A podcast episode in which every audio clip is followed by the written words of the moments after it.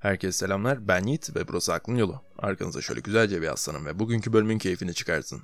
Eminim ki herkes burada hayatı boyunca en az bir kere de olsa friendzone'a düşmüştür. Birine karşı hisleriniz vardır ama karşınızdaki beklediğiniz gibi sizinle ilgilenmiyordur. Basitçe arkadaş olmak istiyordur.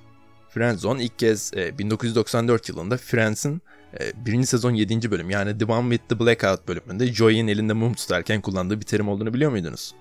Peki bu friendzone dediğimiz şey 1994'ten önce yok muydu? Herkes her hoşlanlığıyla birlikte oluyor muydu? Hayır. Aslında Immanuel Kant ahlak metafiziğinin temellendirilmesi kitabında dolaylı olarak da bundan bahsetmiş. Şimdi bu friendzone denilen şeyi daha iyi anlamak için kendisinden biraz yardım alacağız. Ve çoğunlukla friendzone'un neden saçmalık olduğunu size anlatmaya çalışacağım. Umarım bugünkü programı beğenirsiniz. Friendzone'un en büyük sorunlarından biri karşımızdakini adaletsiz bir şekilde yargılamamıza yol açması. Nasıl mı? Yanlış anlamayın tabii ki de friendzone'a düşmek oldukça boktan bir durum. Çünkü friendzone'u bir eylem olarak kullanıyoruz. Bir kadın veya bir erkeğe bir şeyler hissettiğimizde ve o sadece arkadaş olmak istediğinde sizi friendzonelamış oluyor. Ki aslında kesinlikle böyle bir şey yapmıyor. Sadece duygusal veya cinsel olarak size karşı bir ilgi duymuyor. Eminim ki aynı şekilde binlerce insana da ilgi duymuyordur ama sırf siz ona bir şeyler hissediyorsunuz diye e, bir fiil, bir eylemde bulunmuş oluyor. Friendzone yapmış oluyor. Böyle olmamalı bence öyle değil mi? İşte Kant'a göre de eğer alaki olarak bir şeyler yapmanız gerekiyorsa o şeyi yapabiliyor olmanız gerekir. Yani alaki olarak konuşursak karşındaki seni seviyorsa sizin de onu sevmeniz lazım yoksa kötü bir insansın diye bir şey olamaz öyle değil mi? Çünkü sevmek elimizde olan bir şey değil. Yani sizi friendzonelayan kişiler bunu yaptıkları için kötü de olamazlar. Dediğim gibi boktan bir durum bu ama sırf boktan olması karşısındakini suçlayabileceğiniz anlamına da gelmiyor. Bunu yapan insanları Twitter'da sürekli görüyorum ve cinlerim tepeme çıkıyor. İşte bu bölümü çekmeye beni iten şeylerden bir tanesi de buydu. Immanuel Kant'ın friendzone'a karşı olan düşüncelerinden bir diğeri de insanın özerklik kavramı. Kant özerkliği mantıklı ve akılcı bir insan olabilmenin temeline yerleştirmiştir. Nasıl mı? İnsanlar bazı şeylerin nedenlerinin bilincindedirler ve bu nedenlere göre hareket ederler. E, çünkü açıkça insan mantıklı bir canlıdır. Ancak bir şeyi özel olarak harekete geçmemizin bir nedeni olarak tanımlarsanız o şeyi yapamazsınız. Buna bir örnek vermek gerekirse, aç olmak yemek aramamızın bir sebebidir öyle değil mi? Yani sebeplerinden biridir.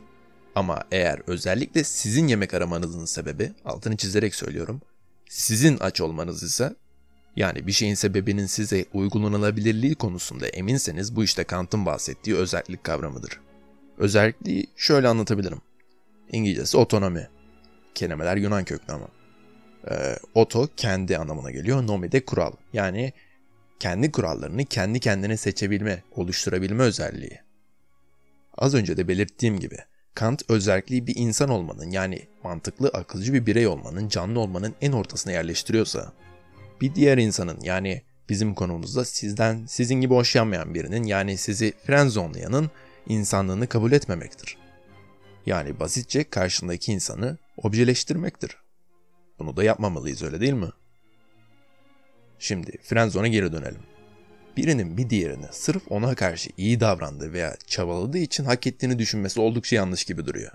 Ayrıca sırf bu yüzden sizinle seks yapması veya ilişkiye başlamasını beklemek insanın özelliğini ihlal etmektir.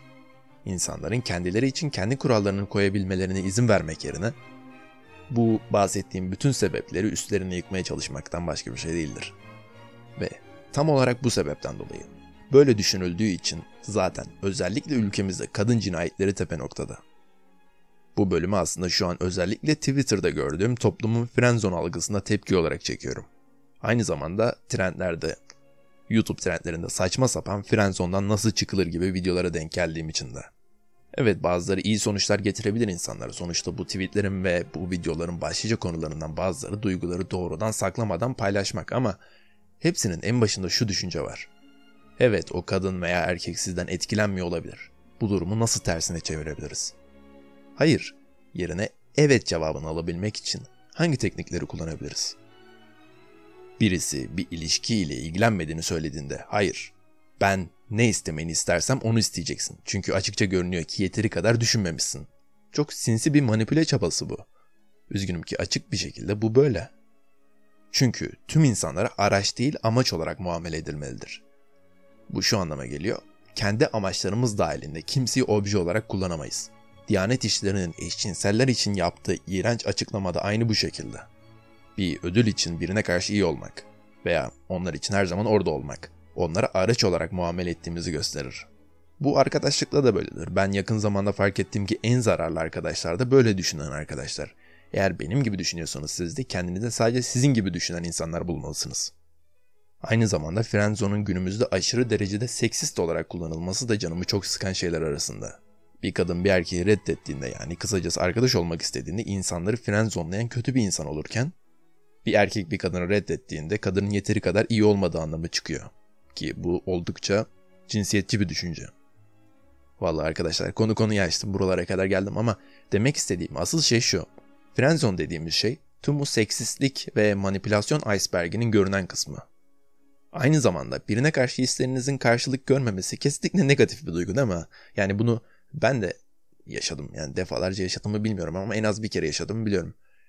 Bu tamamen doğal bir durum yani. Buna üzülmeniz de çok doğal bir şey. Ama bu negatif düşünceler evrilip suçlamaya dönerse işte o zaman yanlış yapıyorsunuz demektir. Diyeceklerim bu kadardı.